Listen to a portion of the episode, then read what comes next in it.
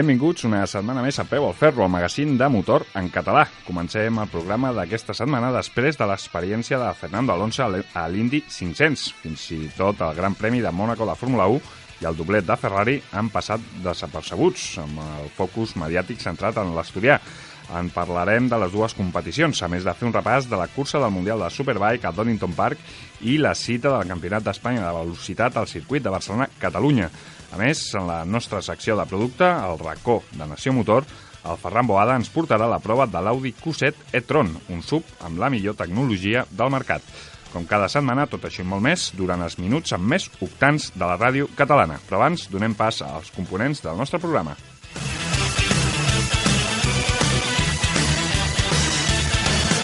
El tindrem avui via telefònica, és l'home del Maresme, és el Jorge González.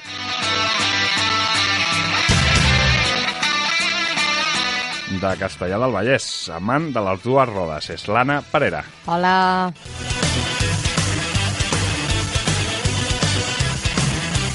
Com sempre, al darrere del vidre, en el control de la tècnica castellà, tenim el Kaiser Salva Soler i a Ràdio Sambi el Gabriel Murga.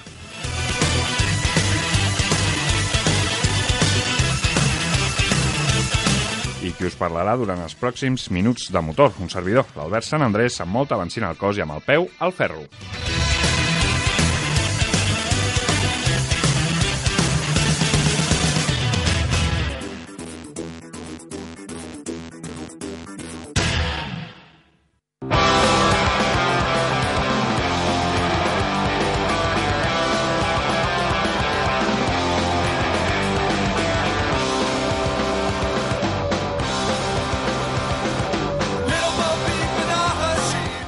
Comencem parlant del Gran Premi de Mònaco de Fórmula 1, on Sebastian Vettel va aconseguir la victòria signant Kimi Raikkonen al doblet per Ferrari, amb una decepcionant sisena posició per Lewis Hamilton. Kimi Raikkonen i Sebastian Vettel deixaven enrere només començar a Valtteri Bottas i el Red Bull, amb una diferència de gairebé 10 segons. Tot i que els pilots doblats feien esvair ràpidament aquesta diferència en una primera part de la cursa molt tranquil·la a Monaco, només amb l'abandonament de Nico Hulkenberg amb problemes al canvi. A la volta 33 començaven les estratègies on Red Bull s'emportava el premi. Amb Verstappen just darrere de Bottas, Red Bull feia entrar el seu pilot, però Mercedes va reaccionar ràpid i va aturar el finlandès per defensar la posició. Això va deixar a Ricciardo en tercera posició. A la volta 35 va succeir el mateix amb Ferrari. Vettel es va acostar molt a Raikkonen i l'escuderia va parar al pilot finès, però Sebastian també es va mantenir en pista com Ricciardo. La clau va ser el tràfic. Bottas i, Bottas i Verstappen van quedar atrapats darrere de Sainz durant dues voltes i Raikkonen amb doblats. A la volta 39, Ricciardo va entrar a boxes després de rodar molt més ràpid i va sortir a pista en tercera posició. Una volta més tard, després de, mar de marcar volta ràpida, Vettel feia l'aturada a boxes per sortir líder a la pista. Sainz també va parar en aquell moment i va mantenir la seva sisena posició. Hamilton va apurar la seva entrada a l'espera de l'arribada del cotxe de seguretat quan rodava sisè, entrant a pista pel darrere de Sainz a la volta 47. En les últimes voltes va haver-hi molta pressió de diversos pilots per guanyar una posició, però finalment es van mantenir les posicions de tots, aconseguint Sebastian Vettel eh, sumava la tercera victòria de la temporada, una victòria que se li resistia a Ferrari des del 2001 al traçat monegasc. Uh, Raikkonen era segon i Ricciardo tercer, pel davant de Valtteri Bottas i, Ma i Max Verstappen. Sisè era Sainz i setè Hamilton. I, com sempre, tenim amb nosaltres el Martí Muñoz de soymotor.com i la FU.es, tot un expert en aquesta competició. Benvingut, Martí. Hola, Albert, com estem?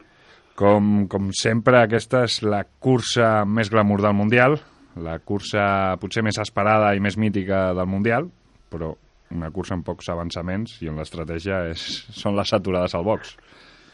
Sí, al final és una mica el, el que té Mónaco, no? que, que tots ens agrada, però el diumenge després de la cursa sempre quedem una mica decepcionats perquè la, la veritat és que, clar, la, la pista no, no permet molts avançaments i, i això fa que, que hi hagi poca acció, sobretot si ho comparem amb altres circuits.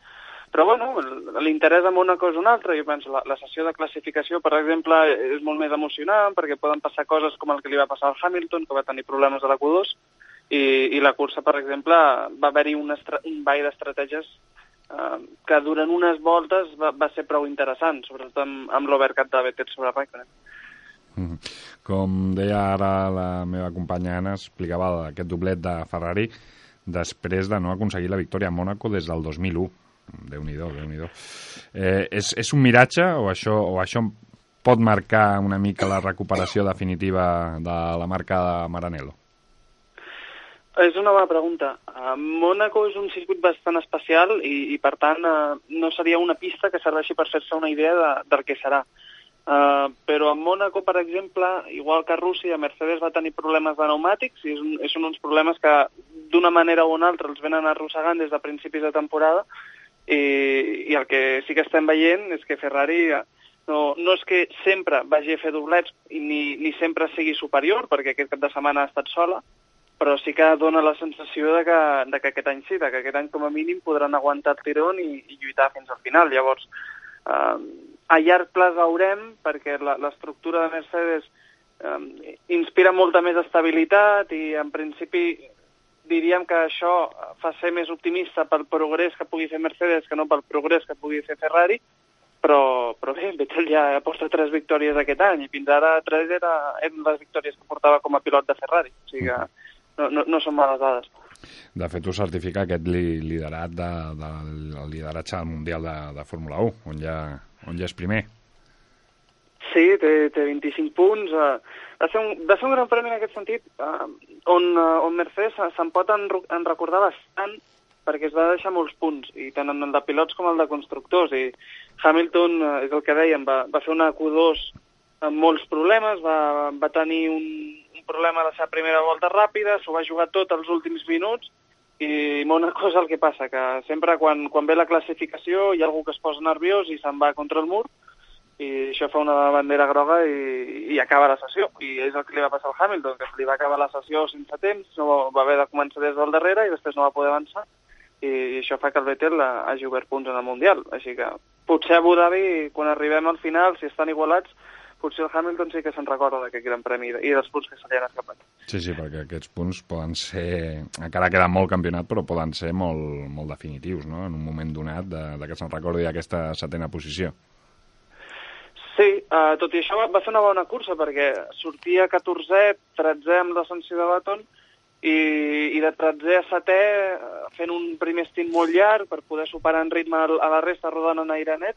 Llavors, per part de Mercedes eh, va fer una cursa eh, realment bona eh, dintre del que hi ha, però va fallar la classificació i a Mónaco l'important és la classificació, no, no és com un, un circuit modern de, de Tilke que fa uns anys Red Bull o Mercedes començaven les últimes i t'arribaven al podi, com, com va fer Weber el 2011 o el 2012 a Xina. A Mónaco Mónaco és una altra història. Sí, Mónaco és glamour, no? Com dèiem al principi, ens, ens hem de quedar una mica amb això, no? Que és el gran premi mític, el glamurós, el que no paga mai a la Fórmula 1 per, per ser al Mundial, tot això, no? Potser perquè com a curses després, sí. ostres, els últims um, anys...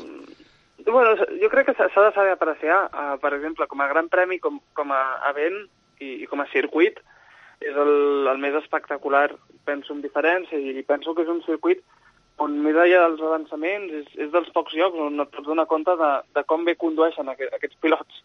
No, perquè no, no és el mateix conduir un circuit permanent on et pots anar llarg i com a màxim acabaràs a, a la sorra que, que fer curves com la de la piscina que veus les repeticions a càmera lenta i és que veus que passen a, mil, a, mil, a mil·lèsimes, a, a, molt, molt, molt junts al mur. Llavors, és una precisió i és un glamour i, i és tot un circ que, bueno, s'ha d'apreciar, però òbviament no, no és una cursa normal. Mm. Perquè tu que vas ser allà al, Gran Premi, què és el que més destacaries com a, com a cursa del Mundial? Ah, bueno, com a periodista, sens dubte que el wifi és gratis. Això passa a, poc, a pocs jocs, eh? Això és de valorar, també. Això es nota, es nota que hi ha diners perquè la, la connexió a internet de la sala de premsa és gratis i això passa, passa a pocs jocs, passa, que jo hagi estat, passa a Silverstone i a Abu Dhabi i segurament a més circuits, però, però són les experiències que conec. Però jo, jo a circuits a... et diria que Albacete, si imagina. Sí. Albacete, Motorland... No... Sí, sí. Normalment no seria el cas, però, però bé, com, com a impressió, el, jo, jo personalment era la primera vegada que hi era i, i és que quedes impressionat amb el caos urbanístic que és tot, perquè és, eh, veus les imatges i et fas una sèrie d'idees sobre els tòpics i tot, i, i vas allà i veus que realment és, és tal com sembla. Llavors, per, per experimentar-ho, és un gran premi que és molt maco. És mm. molt, molt diferent a tot, i, i això també és bastant especial. Et movies amb un Bentley, tu també, o...? O vas preferir fer un transport públic? Perdó? Si et movies amb un Bentley també, com molta gent d'allà. Sí. No, jo, jo els Bentleys per les fotos. Uh, hi, hi, ha, hi ha un servei de tren i de fet uh, la majoria tant de fans com de periodistes el que fan, el que fem és uh, ens uh, hospedem a, ens quedem a Nissa, que està un, uns 25 quilòmetres, és més o menys com Terrassa i Barcelona, uh -huh Eh, et quedaries a Nissa per passar la nit, perquè els preus són normals, i llavors al matí agafes el tren, que és mitja horeta, i et deixa a Santa Devota. Llavors ja a partir d'aquí ja et vas movent. Sí, sí. Bueno, tornem una mica a la competició, perquè Carlos Sainz, sisena posició, mm, el primer de, de la resta dels mortals, podríem dir, no? Sí, no, el Carlos és una cosa molt bona. Um, la progressió que està fent és bastant, bastant impressionant. Toro Rosso aquest cap de setmana eh, no se sap què tenien, però eren molt més ràpids que de costum i, i eren el quart equip amb diferència. Uh, en aquest sentit, doncs bé, va, va rodar on, on tenia que rodar el cotxe, però al marge d'això va, va mantenir el cap molt fred primer en Pérez, que el va posar sota pressió, i sobretot la fase final de la cursa que, que tenia, va tenir 20 voltes el Hamilton al retrovisor. I, i Mónaco serà difícil avançar i tot el que vulguem, però no deixa de ser Hamilton i un Mercedes. Així que saber mantenir aquesta concentració, no cometre cap error en tot el cap de setmana i, i aconseguir un altre gran resultat mentre el teu company eh, abandona però anava novè, o sigui que tampoc anava a fer una cosa especial, penso que li posa encara més mèrit a, a tot aquest inici de Mundial. Mhm. De fet, a, aquest uh, inici de Mundial que està fent el Carlos Sainz hauria de servir ja mm, per, perquè algú es fixés en ell, no? un dels equips grans, perquè déu nhi el que està fent. Sí, el, el problema del Sainz és el que diem sempre, que és que Red Bull no hi ha espai. Llavors, eh, eh, dona la sensació que si vol un volant competitiu i, i vol sortir, penso que penso jo que seria molt saludable que sortir de l'ombra del Verstappen, el que hauria de fer és anar-se'n de la família de Red Bull quan abans millor, si pot ser la temporada vinent millor que la següent i, i sobretot aprofitar totes aquestes bones actuacions que el que fan és que li donen una, li projecten una imatge, perquè Sainz eh, estarà a Toro Rosso, però ja s'ha guanyat una fama i, i una percepció dintre del paddock. Llavors, ha d'aprofitar tota aquesta bona inèrcia per aconseguir trobar un volant i, i uh, aviam quin projecte pot liderar. El, el rumor és Renault, uh, però Renault també està en, en conversa, segons diuen alguns, amb l'Alonso, llavors uh, serà interessant veure com es va resolent. -hmm. I nou abandó dels dos McLaren, aquesta vegada sense Fernando Alonso. Amb... Sí, uh, i, i aquest, aquesta vegada força, força estrany. Uh, perquè la veritat, uh, bé, els dos McLaren estaven a la Q3, el ritme era molt bo, uh, segurament podrien haver sumat aquí més punts que qualsevol altre circuit del Mundial, però en el cas del cotxe del Baton eh, diuen que per un problema de l'MGUH van canviar peces, la lògica diria que bàsicament van canviar peces perquè l'Alonso no tingui sancions a Canadà i Van Dorn tenia una sanció. Llavors, eh, McLaren podria haver acabat setena o sisena, eh, però tenen dos abandons, el de Baton un accident eh, molt estúpid contra Pascal Verlaine, eh, on bàsicament va intentar un lançament on, on no hi havia espai, i Van Dorn, si no recordo malament, se'n va anar recte a Santa Devota contra els murs. Imagino que per problemes de temperatura o, o de frens. Mm -hmm. Doncs precisament d'Alonso parlem, ara, ara tornem amb tu de seguida, perquè en parlem de la següent crònica, ja que el pilot asturià va deixar un excel·lent sabor de boca al circuit d'Indianapolis, oi, Anna? Sí, tot i que no hi va haver victòria espanyola a l'edició 101 de les 500 milles d'Indianàpolis, eh, tot i la bona actuació tant de Fernando Alonso com d'Oriol Servià, que van barallar fins al final per aconseguir la victòria. Fernando Alonso, que sortia cinquè, quallava una carrera espectacular, sense errors, i durant diverses parts va arribar a liderar la prova per davant de pilots molt més experimentats en aquesta especialitat. El bicampió del món estava immers en la batalla del grup capdavanter, marcant només eh, 22 voltes quan el motor d'Honda del seu McLaren Andretti va deixar de funcionar, posant punt i final a la seva aventura americana. Encara quedava, però, el pilot de pals, eh, tot i que a la represa de la bandera groga que provocava el trencament d'Alonso acabava amb les opcions de Servià. El català, especialista en aquesta carrera, volia arrodonir la participació número 200 a l'IndyCar, guanyant la cita més important de l'any.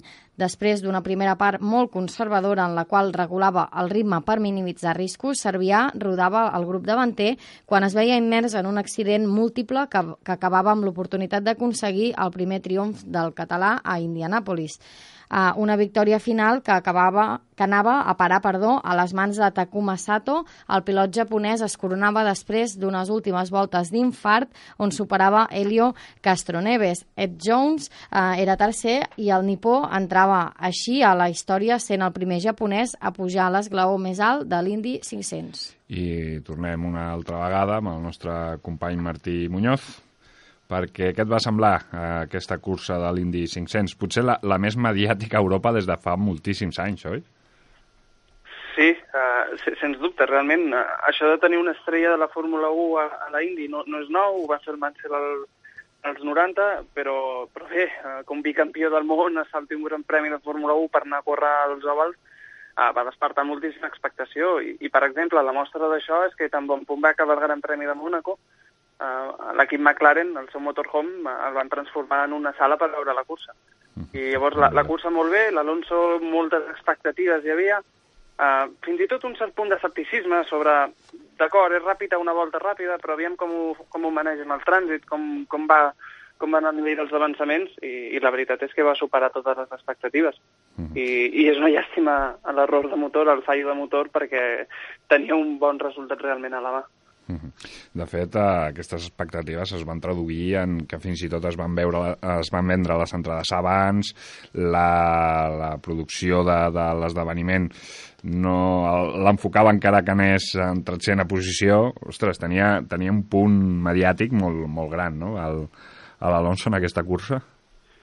Sí, home, al final, per, pels pilots que corren a la IndyCar i pel caché que té la IndyCar, eh, aviam, sí que és una categoria reina en el seu país i és una categoria molt important, amb una cursa molt important com Indianapolis, però eh, mm, diguem que IndyCar, a nivell de talent humà, a nivell de pilots, està diversos passos per enrere de la Fórmula 1 i fins i tot del WEC i altres competicions. Llavors, per ells, que un pilot bicampió de Fórmula 1 eh, vagi i admiri tant la seva cultura és, és una cosa que és com si baixés a Déu a la Terra, pràcticament. Mhm.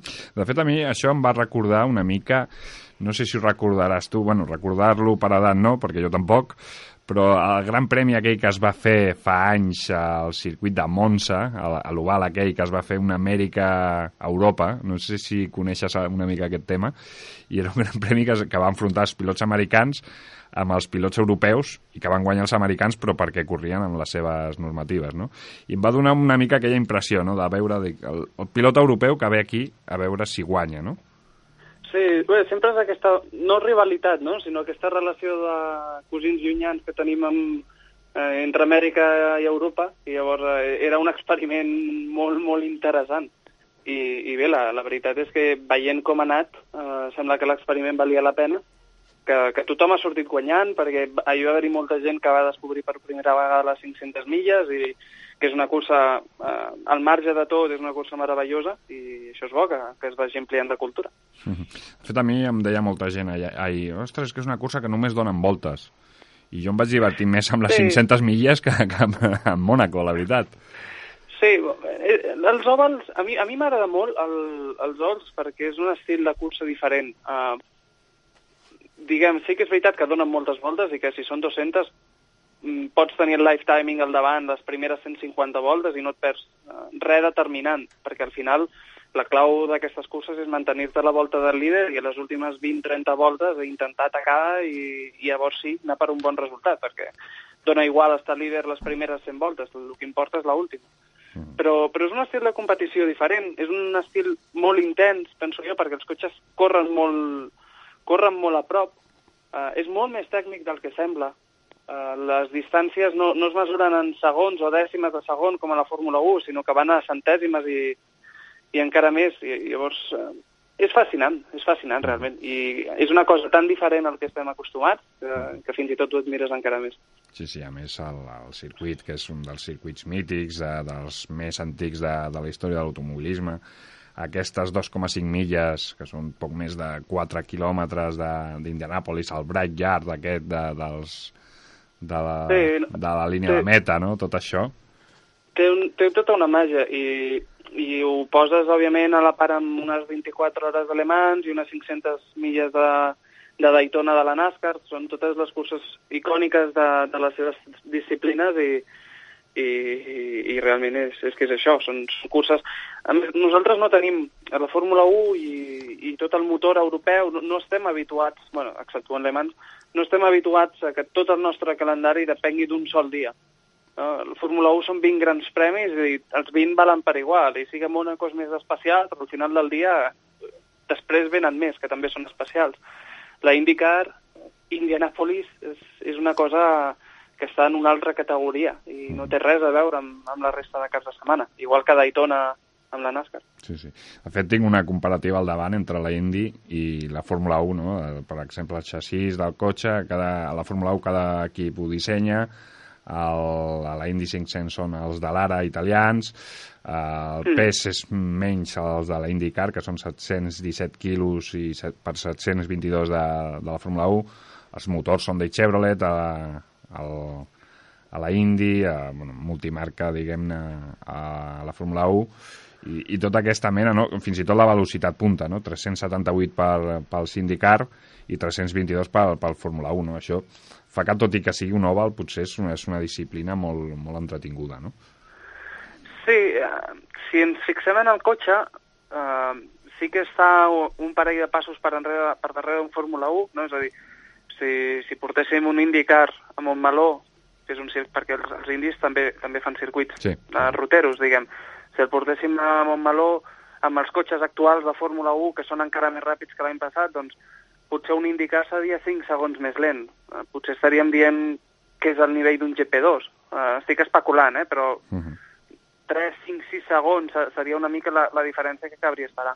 Sí que en el cas dels òvals, uh, òbviament, es descarreguen d'aerodinàmica i, i és lo, és lo delicat, perquè al final el, el punt òptim per un òval és a, aquell punt on el cotxe és estable però no està generant en drac. Llavors has de rodar al mínim de càrrega aerodinàmica per no tenir un cotxe inestable i que vagi, bàsicament se te'n vagi contra el mur, però alhora que les rectes no estiguis perdent. Llavors, eh, és un, és un límit eh, molt, molt delicat. Uh -huh. I, I bé, és, és, és part del, del secret, també.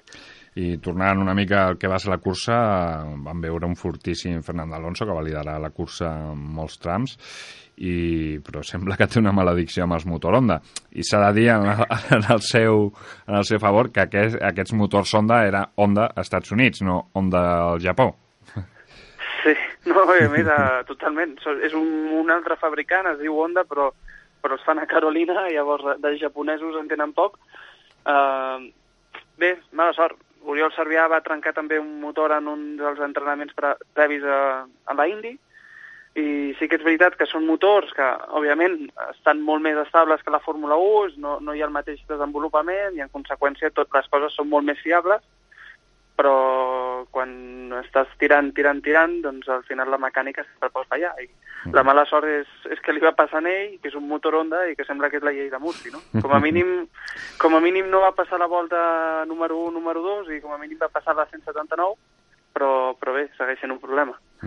De fet, en descàrrega d'onda direm que entre els cinc primers hi havia quatre ondes i excepte el Chevrolet a Helio Castroneves, que va quedar segon, els cinc primers, el Takuma Sato, l'Ed Jones en tercera posició, el Max Chilton i el Tony Canan anaven amb onda, o sigui que malament no sí, van tant, però clar, és...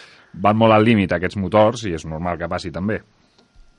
Sí, al final uh, són dos motors i, i a Indianapolis pot guanyar qualsevol. Uh, és una loteria. L'any passat, per exemple, uh, va guanyar el Rossi, l'Alexander Rossi, però les 4 o 5 voltes anteriors, els que anaven davant, dos o tres cotxes uh, van haver de parar perquè s'havien quedat sense combustible i Rossi mateix, uh, quan fa l última volta i quan encara la línia meta de l'última volta, el cotxe entra per inèrcia, perquè s'havia quedat sense combustible. Llavors, és una cursa que és una loteria i la podria haver guanyat l'Alonso, doncs segurament sí, però qui sap, al final eh, aquí hi ha un que t'agafa un rebuf i, i adeu-siau. Mm -hmm. I la pregunta de, del milió, la pregunta que potser no, ara mateix no la pot respondre ningú, ningú però és que tornarà el Fernando Alonso a l'Indy per intentar aconseguir aquesta victòria per fer la triple corona, perquè ja va dir que Le Mans mm, acabaria anant.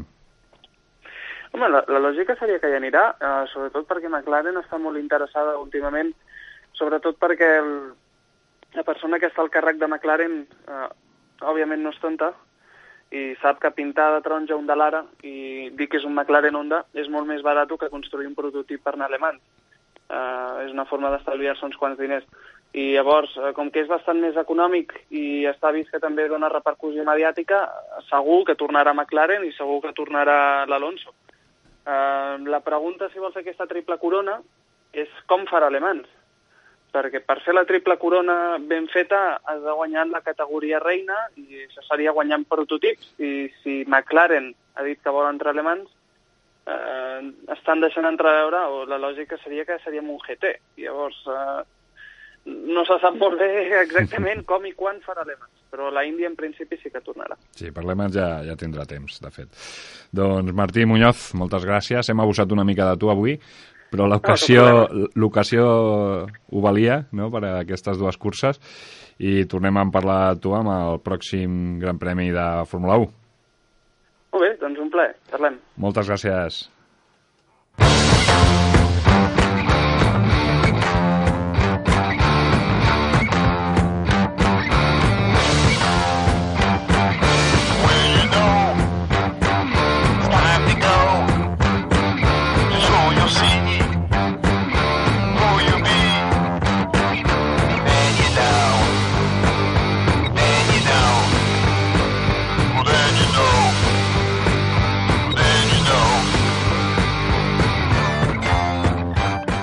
I canviem les quatre rodes de la Fórmula 1 i de l'IndyCar per les dues, ja que el circuit de Donington Park va ser la seu de la sisena cursa del Campionat del Món de Superbikes, on de nou va haver-hi domini anglès del podi a les dues curses.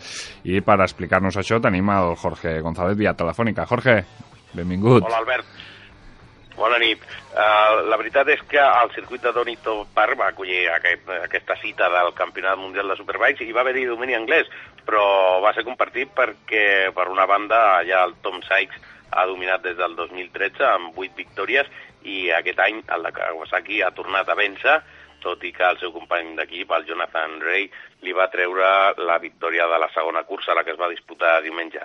Sykes, que aquest any havia faltat només tres vegades al podi, doncs va reivindicar-se i va aconseguir la seva primera victòria d'aquesta temporada 2017, tot i que, eh, com que ell va sumar la victòria número 99 dissabte, quedava, quedava en joc decidir quin pilot aconseguiria la victòria número 100 per a Kawasaki al Mundial de Superbikes i aquest va ser el seu company, el Jonathan Ray, que va patir una caiguda brutal a la primera cursa i que a la segona doncs, ja no, es va poder imposar. Com dèiem, aquest novè triomf consecutiu de Sykes el dissabte a Donington va ser la victòria número 99 de Kawasaki en aquest Mundial de Superbikes i el britànic, com que van haver-hi certes caigudes, doncs va començar a, remuntar, a pujar posicions, a descartar rivals i va creuar meta amb un marge brutal de 16 segons d'avantatge.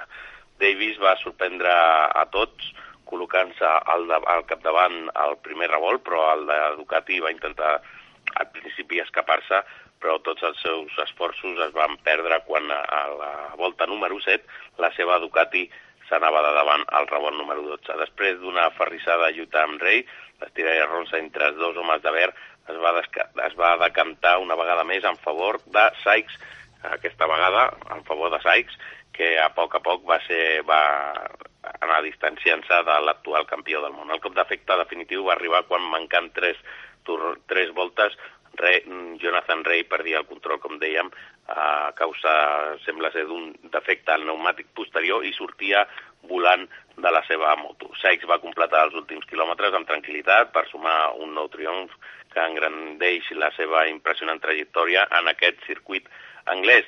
I és que, lògicament, va ser un cap de setmana molt marcat amb l'homenatge a Nicky Hayden, tots els pilots li van dedicar les seves victòries i el dorsal 69, sens dubte, doncs va ser molt recordat en aquesta prova, on el Jordi Torres va ser novè i el Xavi Forés va ser de ser i el Roman Ramos un C. A la segona cursa, la de diumenge, el Jonathan Ray eh, situava el grup davanter només arrencar des de la quarta fila i Sykes es quedava enradarit en aquesta ocasió. Leo Haslam pel terra, a la part final de la carrera eh, doncs es va veure un duel entre el Jonathan Ray i Tom Sykes, així com entre Davis i Michael Van der Mark, aquests últims per l'últim esglaó del podi. El Jonathan Ray aconseguia superar el seu company d'equip, el Tom Sykes, per 1,6 segons i així doncs, va sumar aquest simbòlic triomf número 100 per acabar seguir el Mundial de Superbikes i eh, doncs, una, altra, una altra victòria més al circuit de Dorrington Park. Chas Davis finalment va acabar tercer en aquesta segona cursa, amb Xavi Forés i Ramos completaven, que van completar la, la cursa en setena i vuitena posició respectivament, mentre que Jordi Torres es va veure obligat a retirar-se. Ara mateix el Jonathan Ray és líder del campionat amb 250 punts, seguit de Tom Sykes amb 205 i Chas Davis tercer amb 185. La pròxima cursa serà al circuit de Misano del 16 al 18 de juny. Doncs esperem aquesta pròxima cita i no marxis perquè de seguida seguim parlant, seguim parlant de motos.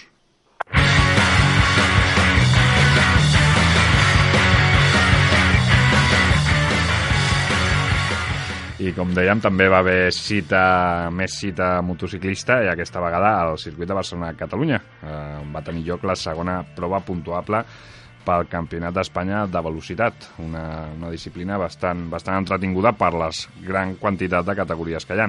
Oi, Jorge? Efectivament, i a més a més amb un cap de setmana, la veritat és que molt bo, amb molta calor, perquè aquest cap de setmana hi ha hagut molt bona temperatura, però amb molt bon clima, molta assistència de públic al circuit de Barcelona-Catalunya i, com deies, doncs una, una, un campionat molt nutrit amb més de 150 pilots per tant, hem tingut un munt de curses. De fet, les curses ja van començar dissabte, on l'Adrián Huertas va guanyar Premoto 3 i el Borja Quero va guanyar Stock 600. I el diumenge, doncs, tota la, totes les categories que es van disputar, també Premoto 3 i també Stock 600. Uh, Premoto 3, el guanyador va ser Pedro Acosta, la segona posició per David Salvador i la tercera per Barri Baltús a 85 Moto4 la primera posició va ser per Marco Ruda, la segona per Eric Fernández i la tercera per Roberto García. Allà el castellarenc Max Sánchez va perdre l'ocasió de pujar, pujar al podi en, en l'última volta, que es va tocar amb un altre pilot i va, va patir una la, petita sortida. recta, una llàstima sí. aquest debut del castellarenc com, com dèiem, la seva primera cursa i a punt a punt de pujar al podi, eh, Albert? I, i amb només 10 anyets, eh? O sigui, que déu nhi com van aquests nanos tan petitets, amb, amb motos mm, adaptades per ell, de, en tamany, però són motors de 150 centímetres cúbics, que déu nhi No sé si m'atreviria jo amb una d'aquestes en circuit, eh? Com deies, i per primera vegada per ell amb una moto de marxes, del, per Exacte. Max Sánchez, que segur que, parla, que sentirem a parlar molt d'ell. Sí, sí, a 85 segur, GP, la primer, Digue'm, digue'm. Segur, segurament que, que escoltarem parlar molt, perquè s'ha de dir també sí. que portava només 5 hores a dalt d'aquesta moto, o sigui, de, de test i de proves, o sigui, que tampoc és que l'hagués provat gaire. Efectivament, un debut en el que ha mostrat un gran talent, ja dic, lluitar pel podi en la primera cursa. La primera cursa, acabar-la és tot un èxit. Exacte. Ja, ja es pot qualificar gairebé de victòria, per tant, bueno, un pilot que en la seva primera cursa, sense cap tipus d'experiència en aquestes motos, doncs ha fet una quarta posició i podia haver pujat al podi si no arriba a tenir aquest incident de l'última volta, doncs realment, bueno, això, segur que ens espera Sí, sí. un bon, un bon futur Bon amb futur. el Max Sánchez. Sí, sí. Com deia, a 85 GP el primer va ser Ivan Ortolà, el segon va ser Adrián Cruces i el tercer va ser José Antonio Rueda, mentre que a la segona cursa d'estoc 600 eh, doncs, va haver-hi una caiguda molt gran a la primera volta, es va haver de reprendre la cursa a 10 voltes. I allà amb Javi Orellana, Borja Quero i Cristian Palomares fora, fora de joc, doncs la primera posició va ser per Marc Alcova, la segona per Héctor Gardó i la tercera per Miquel Pons. I parlem de la... Bueno, va haver-hi una altra categoria petita, la de la cuna de campeones, que van fer dos curses en cada, cada categoria, el, bueno, dos curses en total. En la categoria Premoto 4, en la primera cursa va guanyar l'Adrián Huertas, en la segona posició el Fermín Aldeguer i en la tercera Izan Guevara i en la segona cursa de, de Premoto 4 qui va guanyar va ser el tercer de, de la primera cursa, l'Izan Guevara, la segona per Marco Ruda i la tercera per Gerai Ruiz. A, al, de la categoria de Premoto 5, doncs les dues curses, les posicions van ser les mateixes, perquè la primera posició va ser per l'Alberto Fernández, la segona per l'Antonio Carpe i la tercera per l'Àn- l'Àngel Piqueras. Uns, uns màquines aquests nens, eh? Sí, Ens exacte. deixen Sí, sí. bocabadats cada vegada I, que... sí, sí. I ens queda la categoria gran, Superbike. I ens queda la categoria gran, com bé dius, a la de Superbikes, que la veritat és que bueno, va ser una cursa molt interessant, eh, on l'Àngel Rodríguez es va imposar, va tenir un bonic duel amb el Carmelo Morales, però en tot moment el- l'Àngel Rodríguez semblava que tenia una miqueta més que el, que el Carmelo i es van portar aquesta, aquesta victòria a l'Àngel Rodríguez, mer- totalment merescuda.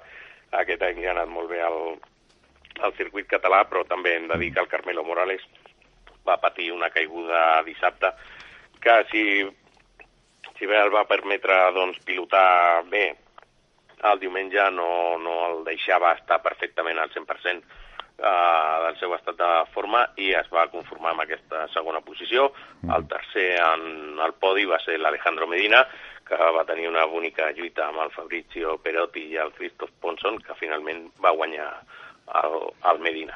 Com dèiem, un, De, un vam, Carmelo- parlar, vam parlar de Tallo eh, abans perquè vam poder parlar amb el Carmelo Morales, eh, líder del campionat, i ens va parlar al respecte d'això que explicaves tu ara.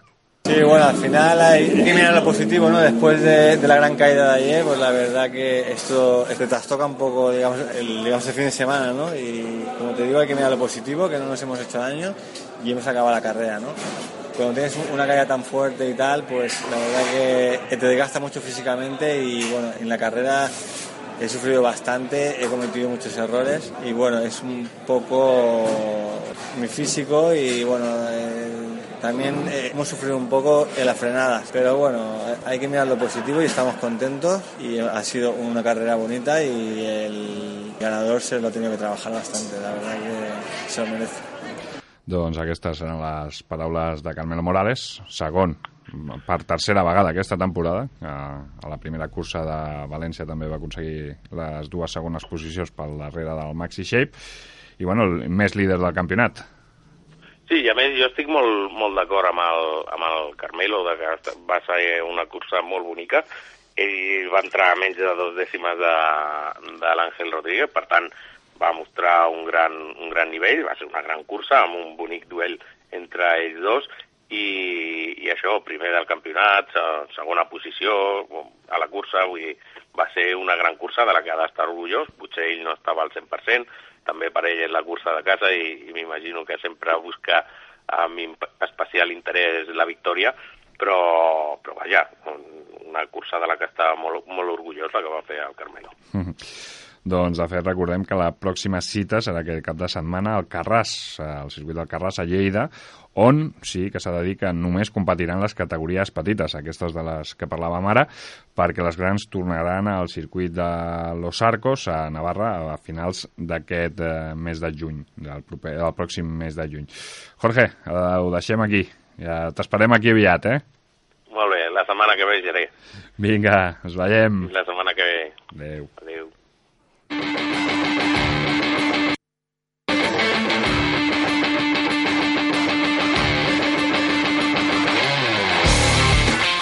I comencem els breus parlant de Rallycross, eh, ja que Peter Solberg va guanyar a Leiden Hill. Peter Solberg ha estrenat el seu caseller de triomf d'aquesta temporada i amb l'equip Volkswagen després que s'hagi imposat amb autoritat a la, 50, a la cinquena cita del Mundial de Rallycross disputada al circuit de al circuit de Leiden Hill, la mítica pista britànica que, es disputava, que disputava la seva última carrera del Rallycross, ha estat l'escenari on el campió del món de ral·lis de 2003 ha aconseguit per fi estrenar-se al, vol al volant del Polo GTI. El noruec ha quallat un excel·lent cap de setmana dominant totes les mànigues i s'ha alçat amb la victòria per davant del seu company d'equip, Johan Christofferson. I Tony Bow aconsegueix el doblet al Japó. El pilot de l'equip Repsol Honda s'imposa en les dues jornades a casa d'Honda i referma el liderat del campionat amb un ple de victòries. En la primera jornada del trial de Japó, el fang va incrementar la dificultat d'una prova en la qual Tony Bow es va imposar amb total autoritat, guanyant amb una diferència de 24 punts. James Deville, de Gas Gas, i Takahija Fujinami va completar el podi del primer dia. Diumenge, tot i la igualtat, Bou tornava a aconseguir la victòria, aquesta vegada amb dos punts d'avantatge sobre la TRS d'Adam Raga. Albert Cabestany era tercer. Bou és líder de la General amb 15 punts de diferència després de tres proves. I el nostre pilot, el Raül Torres, ja és a l'illa de Man.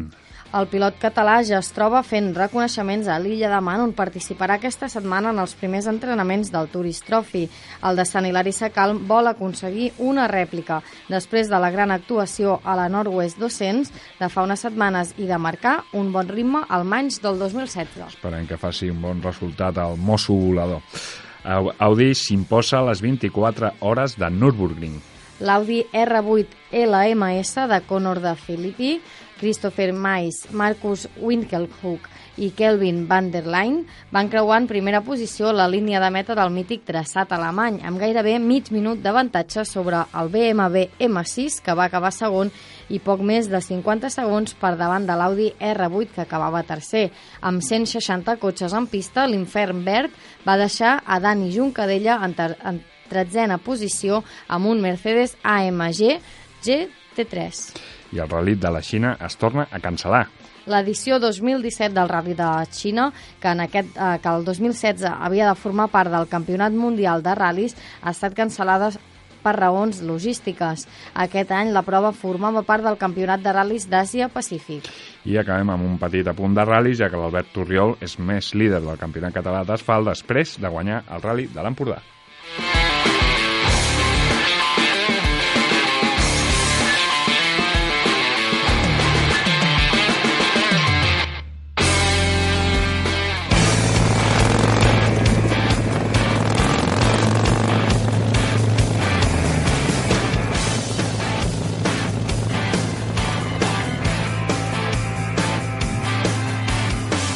Doncs una setmana més tenim amb nosaltres el Ferran Boada perquè ens presenti les principals novetats del mercat automobilístic. I en aquest cas ens porta l'Audi Q7 e-tron, un autèntic sub híbrid i una autèntica animalada de, de cotxe, no? Ferran? Doncs sí, aquesta setmana l'hem passat provant el, el Q7, el Q7 e-tron, eh? un, un híbrid endollable, de, de gran tamany. Uh -huh. I 373 cavalls, que es diu aviat, eh, en el combinat entre l'elèctric i el motor dièsel. Sí, són 373 cavalls combinats. El motor de gasoil és un V6 3 litres, el típic de la marca, eh, que declara doncs, una potència màxima de 258 cavalls, i un motor elèctric que n'hi afegeix 128 més, eh? i en sumen doncs, 373 cavalls i la barbaritat de 700 newtons metre de mm. per motor màxim. Sí, sí. Suposo que, que serà un motor suficient no?, per moure tot el conjunt, un cotxe que, que de millor el tamany que té, no? Sí, sí, sí, sí. El, el motor, evidentment, és més que suficient, malgrat els 2.500 quilos de, de pes que, que té el cotxe. Perquè, clar, el, que és el pes estàndard del cotxe i hem de sumar gairebé 300 quilos de, de bateries, en aquest cas, unes bateries que ens donen, això sí, una autonomia suficient per fer 50 quilòmetres en mode absolutament elèctric. Uh -huh. eh? I això és el que fa més interessant en, a, en aquest cotxe. Sí, sí, per un cotxe d'aquest tamany i d'aquest pes, com, com explicaves ara, és, és, és aconsellable no? per, per reduir consums d'aquests tan, tan grans que solen tenir aquests cotxes. Sí, sí, sí, tot i que el consum de, del motor de gasoil, el motor de gasoil ja, ja és molt eficient, quan hem tingut l'oportunitat de provar aquests motors amb, amb un cosset, que vam tenir l'oportunitat de provar la versió estàndard, només TDI, per dir-ho així, eh, ja et dic, són molt, molt eficients i es queden al voltant de 9 litres. Amb aquesta versió híbrida hem arribat a registrar consums de 6,6 litres, el que imagina't el que és això per un cotxe em dèiem de tot un cosset de 2.500 quilos i 373 cavalls de potència. És absolutament ridícul. De fet, potser el gran hàndicap d'aquest cotxe és la, la tercera filera aquesta de seients, no? que pel, pel tema de les bateries eh, no l'han pogut posar no? i es queden cinc places, un cotxe tan gran. Potser sempre és més pràctic amb set. Sí, les set places sempre donen una versatilitat que amb un vehicle tan gran és llàstima doncs, perdre-la, no? Però perds dues places, però en canvi et regalen una cosa que és, hores d'ara diria que potser més valuosa, i per a alguns futurs clients que he pogut ensenyar el cotxe, eh, amics que hi tenia interessats i que els hi poden agradar i que estan cercant ja un cotxe que es planteja un elèctric, doncs eh, la gran avantatge que té aquest cotxe és que la DGT et regala la pegatina, l'enganxina a la Eco, eh, mm. perquè la puguis posar en el parabrises. I això avui en dia és un petit tresor. Sí, sí, és sí. un petit tresor perquè tens peatges gratuïts, Exacte, sí, sí. sí, sí. tens zona blava gratuïta, tens, evidentment, moltes taxes municipals amb grans descomptes i, sobretot, sobretot, sobretot, cada cop més hi haurà normes antipol·lució més dures i acostar-te als centres de la ciutat serà més difícil, amb aquest hi podràs accedir, encara que comencin a fer restriccions del tipus avui circulen només els vehicles amb matrícula parell, que ja hem vist que a Madrid ha passat en alguna ocasió. Mm. Amb aquest cotxe no hi haurà, no hi haurà cap tipus de restricció. Mm, no, és, un, és un gran avantatge, no? perquè un sub sempre tenim aquesta imatge no? de, de cotxe gran, poc aerodinàmic i que gasta molt, no? I en aquest cas potser es, es canvia una mica aquesta, aquesta deriva. Sí, sí, no, no, és un cotxe gran, és un cotxe immens, és un cotxe carregat de tecnologia, és un cotxe potent i que a més gasta, gasta molt poc, o si ho voleu gasta res, o gairebé res. Una càrrega completa de la bateria per fer aquests 50 quilòmetres d'autonomia que realment no hi hem arribat mai, sempre ens hem quedat al vols del 40 en condicions reals, però el cost amb la tarifa estàndard és de, és de 2 euros carregar aquesta, aquesta bateria. Uh -huh. Això comparat amb el cost que té el gasoil és, és insignificant. I repeteixo, si afegeixo que per un conductor que es pugui moure des de l'extrarri de la ciutat a Barcelona no pagarà peatges, no pagarà -huh. pàrquings, no pagarà res. -huh. El cotxe s'amortitza molt ràpid més enllà dels consums. I parlant de parlant d'això, de, precisament de, de com es mou el cotxe, com, com es comporta aquest cotxe per carretera? A veure, es comporta com un cotxe de dos tones i mitja. Eh? És un Audi, transmet, és capaç d'anar molt ràpid, però evidentment aquí les inèrcies es deixen, es deixen notar i és un cotxe que et demana que et les coses una mica en calma. No pel motor, que el motor, doncs, com us imagineu, amb 373 cavalls de potència màxima i 700 Nm d'aparell, pot amb tot, té una empenta sensacional, però sí que a nivell de comportament dinàmic doncs és un cotxe que ja més, més pesador, a més la mateixa configuració de les suspensions en la que s'ha buscat primar sobretot el confort, doncs ja el fan més tubet i de baixar una mica el ritme respecte al que permetria el motor. Ara, per fer grans viatges, és el cotxe ideal, és seure i que té ganes boges de no parar fins a Berlín. I potser d'anar al seient del darrere també, no? Que et portin gairebé. Sí, sí, sí, sí. Vull dir, a darrere es gaudeix d'un confort d'autèntic limusina. L'espai sí, sí. que tens per les cames, a l'amplada dels seients, tot és propi d'una limusina. És un autèntic transatlàntic de luxe, aquest cotxe. Mm. I podríem, aquest cotxe, que és una configuració sub, podríem fer muntanya, camins de muntanya, com es comporta? Perquè, clar, amb tant pes, potser arriba a penalitzar una mica, no? Fins i tot un camí una mica ja més complicat.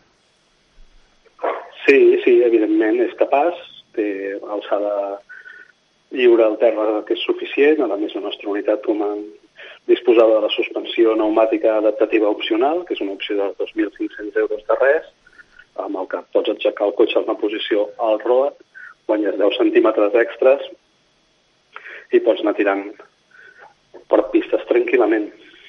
Mm -hmm. Sempre i quan no li compliquis les coses, eh? Vull dir, ja només per les dimensions del cotxe, evidentment no, no voldrà entrar ni en pistes trencades ni en caminets estrets, mm -hmm. a part que recordem que està prohibit circular per camins exacte. de menys de 4 metres i mig d'amplada. Exacte, exacte. I, bueno, a mi sempre m'ha semblat una, una, una mica una contrarietat, no? Un, un cotxe, un sub, principalment, perquè és el que més es fa ara, o un cotxe, una berlina de luxe gran, no? que, que es faci eh, elèctric, no? o híbrid, eh, com en aquest cas perquè dius, home, si el que vols és estalviar, no? fes un cotxe més petit, més aerodinàmic, no? un tipus al Prius, un model tipus aquest, no? Quin, quin sentit li, li trobes un cotxe així? Sí, sí, sí, sí, volem ser o podem ser políticament incorrectes, la veritat és que compartir un cotxe així amb sentiment ecològic és una autèntica bajanada, no? Perquè malgrat que consumeixi poc, recordem que construir les bateries també té un impacte Exacte. sobre l'ecologia, no? Però sí que és cert que doncs, hi ha molta gent que, que no pensa renunciar a tenir un gran cotxe, o un cotxe gran, que no pensa renunciar a tenir un sub i que no pensa renunciar al luxe. Llavors, la millor manera de reduir l'impacte sobre el medi ambient, donats tots aquests condicionants, aquesta és de les millors solucions possibles. Uh -huh. eh? Un híbrid endollable, la majoria de nosaltres no fem més de 50 quilòmetres per anar a treballar mai, almenys per fer el trajecte fins a l'oficina, poca gent diu més de 50 quilòmetres del seu despatx. Si disposes de sistema de recàrrega a casa i un sistema de recàrrega a l'oficina, vas sense emissions d'anada i de tornada. I, es, i sí, sí, vull dir, es contribueix positivament al medi ambient, segur. Sí, seria el cotxe perfecte per treballar a Palo Alto, no? als Estats Units, allà als centres de la tècnica, on porten tothom ara els Prius i, i tots aquests cotxes. Bueno, i què, sí, què més? Sí, de fet, tota, tota la falera que els va agafar els fabricants de cop i volta, de bones a primeres, això ens ho explicaven els tècnics de, de BMW en el seu moment, de posar-se a fabricar elèctrics, és que es passejaven per Beverly Hills i veiem ple de Prius. I deien, escolta, aquesta gent que abans tenien Mercedes, Audis i BMW, ara condueixen Prius. Hem de fer alguna cosa per donar-los el cotxe que volen. I aquest és el sentit del cosset que em preguntaves abans. Però. Sí, sí, sí. Sí, sí, és per, per sentir-te bé, no? Sabent que no, que, que no l'estàs fent sí. massa bé. Sí, sí, sí, tranquil·litza l'esperit, no? De dir, no, sí, exacte. vaig amb un cotxe de dos tones i mitja, 373 cavalls, doncs, escolti, jo no contamino. Però sí, sí. no deixa de ser cert que no contamines clar, clar. Sí, perquè a més és, és també una mica, no? una, una mica una incongruència no? el, el, fet aquest no? de, del cotxe gran, de, de no voler contaminar i, i a més pel sector que està dirigit, no? un, un sector premium, un sector que en teoria no té problemes de, de benzina, de, de pagar benzina, i que, que normalment és un sector de, de, de superesportius també i de cotxes de cotxes que gasten, bàsicament. Sí, sí, aquest és un cotxe premium, premium. Estem parlant de que l'Audi e-tron parteix a preu tarifa de prop de 90.000 euros i la unitat que anem a provar pujava fins als 120.000. O sigui, imagineu-vos la, la nau espacial que, que portàvem, no? Déu-n'hi-do, déu nhi déu, deu fer mal, eh? Tenir un accident amb un d'aquests. Perquè déu-n'hi-do. Bueno, doncs Ferran Boada, moltes gràcies per ser aquí una setmana més amb nosaltres i t'esperem a la pròxima i que ens expliquis una nova novetat que també podrem llegir a nacionmotor.cat. Molt bé, moltes gràcies Albert i esperem doncs, que tots els oients de Peu al Ferro i vagin a buscar també les novetats, que us les acostem aquí, però allà en podreu veure les imatges també. Ah, exacte, que no s'ho poden perdre, aquests reportatges. Molt bé. Doncs salut i benzina, Albert. Moltes gràcies, Ferran.